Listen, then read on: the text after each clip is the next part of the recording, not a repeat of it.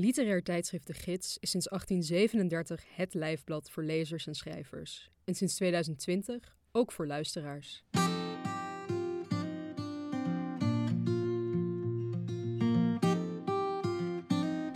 Je luistert naar de 58e aflevering van Sprekende Letteren. Een podcast met verhalen, essays en poëzie uit de gids. Voorgelezen door de schrijver of dichter zelf. In deze aflevering hoor je het essay Het getij en de wieren van Arjen Mulder over de oceaan als levend landschap met zijn eigen binnenwereld. Luister mee naar Arjen Mulder.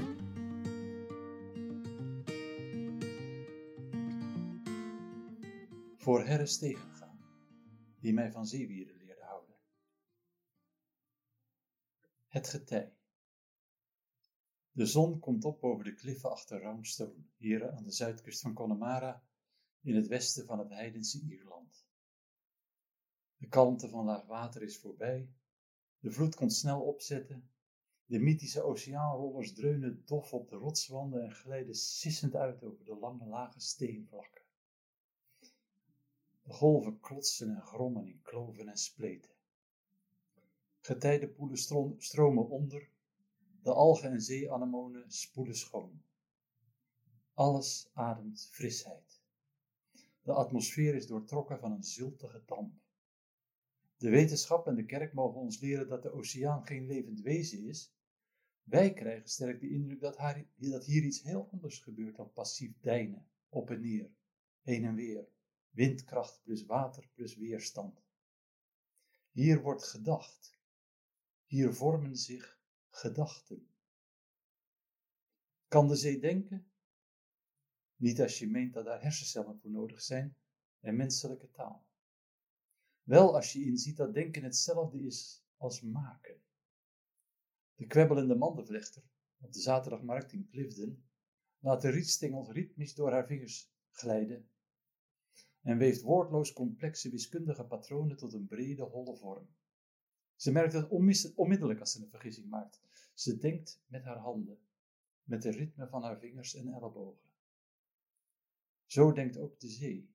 De golven zijn haar handen. Stel dat de oceaan een levend wezen is, of als dat pompeus klinkt, stel dat ze denkt. Wat zijn dan haar gedachten? Het grootste deel van haar lichaam, de diepe watermassa's van de vijf oceanen en de zeven zeeën, liggen min of meer vast. Al dat zoute water beweegt alleen bovenin een beetje op en neer in de deining van de getijdengolf, of als een storm voor doorspoeling zorgt. Zeestromingen zijn te herkennen doordat, de rest van het water blijft liggen. Alleen langs de zomer van de grote stromen spoelt de bovenste laag zeewater traag in kringen rond. Het lichaam van de oceaan is een stevige, transparante massa en geen lap lillend vlees met taaie zenuwen. Het is een steungevend medium, een ruimte waar klanken tot ver voorbij de horizon dragen. Het orgaanloze lichaam van de oceaan raakt geactiveerd aan de randen als de watermassa door de getijdengolf tegen de kusten op wordt gestuurd, niet verder kan, terugspoelt en de zee beseft dat er een grens is aan het vloeibare.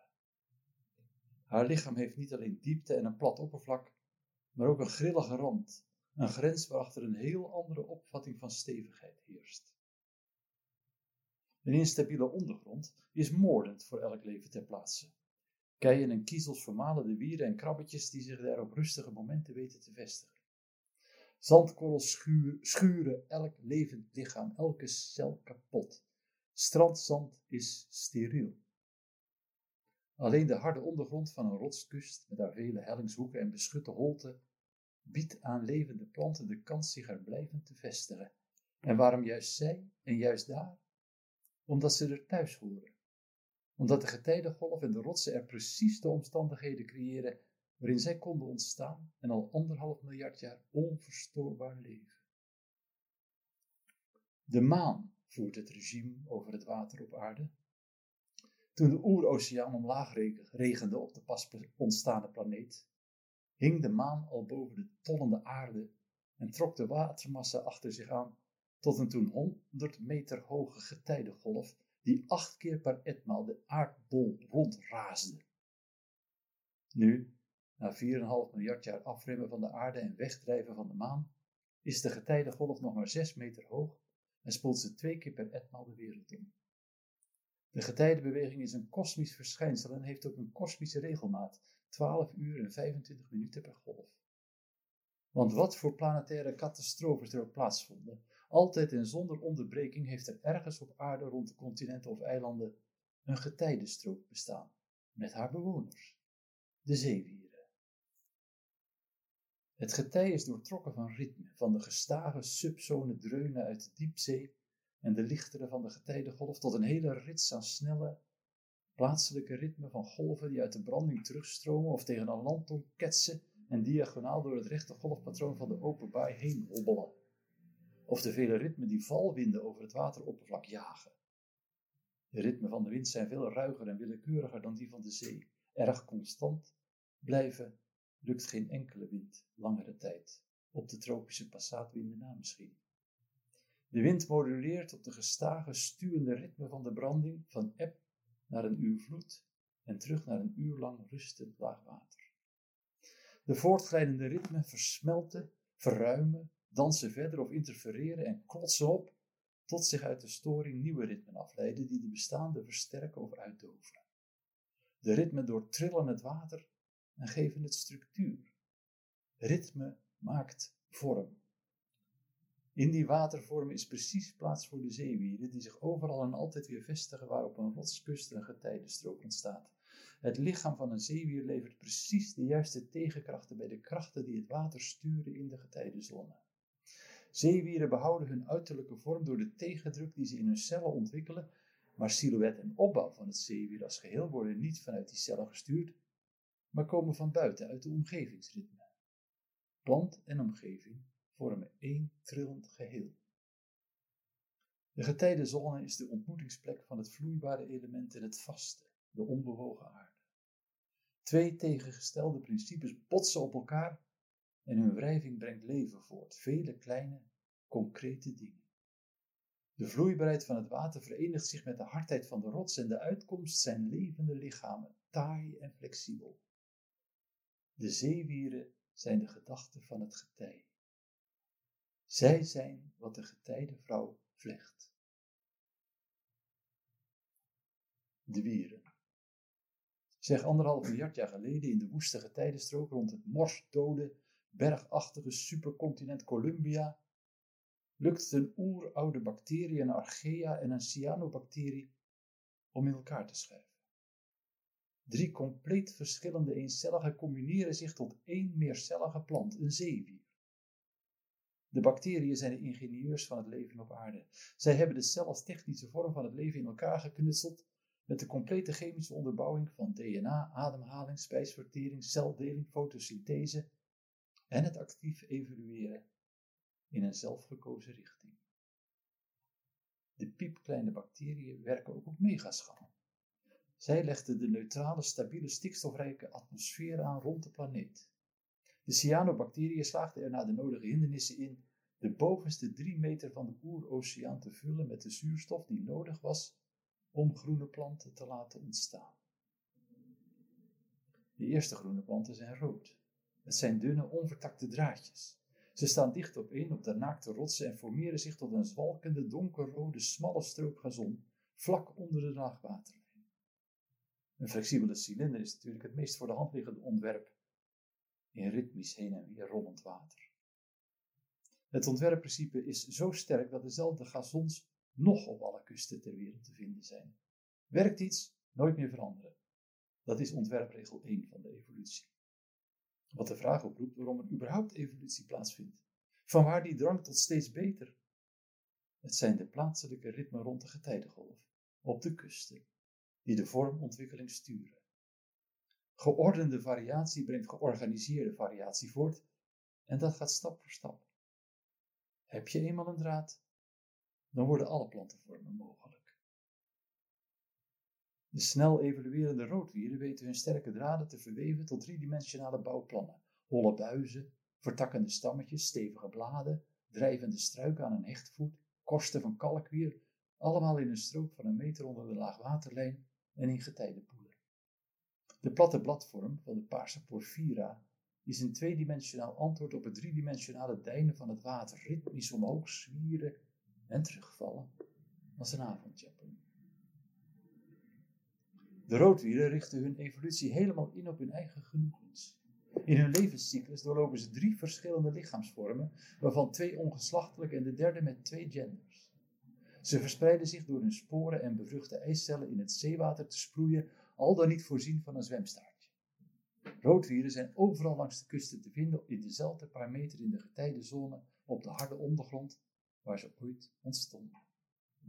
Omdat de roodwieren de eerste groep seksuele wezens waren en dus in staat tot veel en snelle genetische variatie, hadden ze zich vol in de Darwiniaanse red race kunnen storten om alle niches in de getijdenzone vol, in de getijdenstrook vol te proppen met meer van zichzelf. Alle latere concurrenten het leven onmogelijk te maken en eens en voor altijd het imperium Rhodophyte te grondvesten. Maar nee, roodwieren houden van hun plek in het getij en ze dansen op de kusten nu al anderhalf miljard jaar lang een rococo-choreografie van een gekmakende elegantie, als de mademoiselles de Camargo van de getijdentuin. Een leven gewijd aan de studie van roodwieren is een welbesteed bestaan voor wie zich verwonderen wil. Als het roodwiercontinent Columbia stuk breekt en in een paar losse schollen uiteendrijft, ontstaat er veel meer kust en dus plek voor nieuw leven. Nu duiken de groene, de groene groenwieren op, weer in draad, buis, blad en korstvorm. Andere pigmenten, maar dezelfde positie in de getijdenstrook, dezelfde typologie. Groenwieren zijn plomper van uitvoering. Ze bouwen hun lichaam niet op uit losse draden en dunne vlakken, maar uit lagen van massieve cellen. Ze zijn ook loeisterk. Zo'n strook zeesla onderaan de zeedijk of een sliert deinend darmwier langs de woelige klifkop. Hun drijvende draden, draden slierten groeien tot een paar meter buiten de rotswand uit en dempen zo de branding al iets beter dan de roodwieren alleen. Na wat heen en weer schuiven ontstaat er een miljard jaar geleden opnieuw een supercontinent, Rodinia, en rond de kusten daarvan verschijnen als laatste in de reeks de bruinwieren. Zij brengen een vijfde bouwplan in de getijdenstroom. Zij leggen boven de laagwaterlijn een zone aan van bruingele, slijmerige, taaie, platte boomstammetjes, vaak voorzien van luchtblazen. Deze fucussen zijn in staat tweemaal daags uren in de zon te liggen bij laag water en dat te doorstaan. Een winst aan leefruimte van meerdere meters. Een andere groep bruinwieren, de laminaria's, vestigt zich op het gesteente onder de getijdenwoeling, in het diepere water. Vanuit een stevig vertakkende grijpvoet laten ze een lange, slanke, massieve stam omhoog groeien, die zich net onder de spiegel van het wateroppervlak openvouwt in een brede kroon van één groot blad of een reeks smalle bladen. De bruinwieren combineren de vier bouwprincipes van korst, draad, buis en blad van hun voorgangers tot een nieuw idee, dat van de boom en daarmee van het bos kelpwouden in rustig helder zeewater. De zeewieren langs de kusten bouwen hun ecosysteem op uit vier lagen. Een korst van blauw, rood of groenwier overdekt het naakte gesteente. Hier legt zich een gesloten gazon van draadvormige rood of groenwieren overheen. Uit het gazon reizen beschutte, schaduwrijke bossages op van bladplanten en struikgewas, rood, groen en bruinwieren. En boven dit alles drijven de brede bladeren van de boomvormige laminaria's, die van het geheel een schaduwrijk, beschuttend zeewoud maken. Met deze vier lagen van taaie planten, die alle van op hun eigen manier reageren op de waterbewegingen, dempt het ecosysteem van de getijdenzone de kracht van de deining en de beukende golven maximaal. Het schept rust waar onrust heerste en schept zo de podia voor de kleinere epifytische wieren en daarmee voor de dieren. Een miljard jaar lang waren de zeewieren niet alleen de enige groene plant op aarde, boven water was alles kaal. Er bestonden ook nog geen dieren. Er werd niet aan ze geknabbeld of geboord. Ze hoefden zich niet tegen dieren te beschermen, wat verklaart waarom ze zo zuiver de ritme van de zee alleen belichamen. Als de evolutie van de dieren een half miljard jaar geleden losbarst, ontstaan er tussen de zeewieren als eerste filtervoeders, zoals sponsen en zeeanemonen. Geleedpotigen die komen grazen en jagen, schelpen en zeeegels, grote vissen in het kelpwoud. Natuurlijk zoeken zij ook het licht van de getijdenstrook, waar ook de meeste zuurstof is en de waterdruk het laagst. Maar wat de dieren aan de kust bindt, zijn de wieren, hun voedsel- en beschermingsbieders, hun vanzelfsprekende leefwereld. De zeewieren maken met hun stengels en bladeren het dierenleven mogelijk. Als de wieren de gedachte van het tij zijn, als de wieren de gedachte van het tij zijn, zijn de kustdieren de gedachte van het zeewier. Met hun vier zones van wieren en dieren leggen de ritme in de getijdenstrook een tuin aan die helemaal af is. Beter kan niet. Hij hoeft alleen nog maar verder te leven, zich op te bouwen waar een nieuwe groeiplaats ontstaat, zich ten volle te ontplooien en door te gaan. Door te gaan, als de getijdengolf zelf. Vanaf een miljard jaar geleden, na de komst van de bruinwieren, is de evolutie van de zeewieren voltooid. Er komt geen nieuwe groep meer bij, alles blijft bij, de, bij het oude, dwars door de geologische rampen en massa-extincties heen. Ze voldeden en zijn nooit meer verbeterd, want het hoefde niet. De getijdengolf waarin zij leven bleef dag na dag regelmatig langskomen. Hun omgeving veranderde niet, dus ook zij niet of nauwelijks. De zeewieren belichamen het principe van de continuïteit, het niet beter willen doen, doorgaan met wat goed genoeg is. In elke stap van hun evolutie ontwikkelen planten een nieuw zintuig om de wereld die ze bewonen beter te kunnen begrijpen. De pigmenten van de zeewieren, naast rood, groen en bruin zijn er nog vier tinten bij de eencellige algen, een bouwtype op zich. De zeven pigmenten van de wieren zijn zeven verschillende filters om zonlicht waar te nemen in zeewater. Ze laten stuk voor stuk een aspect van het oceaanlichaam zien dat voor de andere pigmenten onzichtbaar blijft.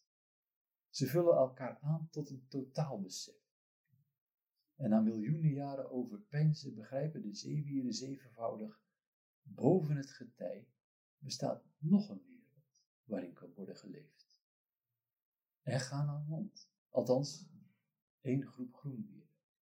Zij gaan een verbond aan met de draadvormige schimmels die al eerder het water uit zijn gekropen en zich voeden door moleculen uit de naakte rotsen te sabbelen. Getweeën vormen zij korstmossen en gaan het avontuur van het leven boven zeeniveau aan. Alle andere groen, rood en bruinwieren bleven achter in de getijdenstroken langs de kusten en onderbraken hun zwalpende dansen nooit meer. Tot op de dag van vandaag. Tot hen kan de oceaan, kan het getijde denken. De zeewieren vertellen haar hele verhaal.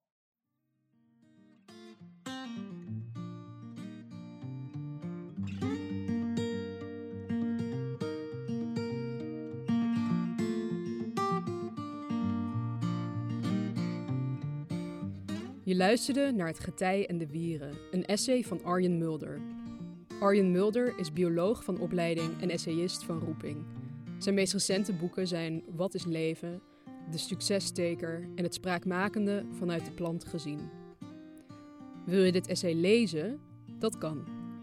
Alle bijdragen die in sprekende letteren hoort zijn terug te vinden op onze website www.de-gids.nl. Wat je ook kunt doen op die website is een abonnement nemen op de gids. Vanaf 20 euro per jaar ben je al abonnee en steun je het langslopende literaire tijdschrift van Nederland.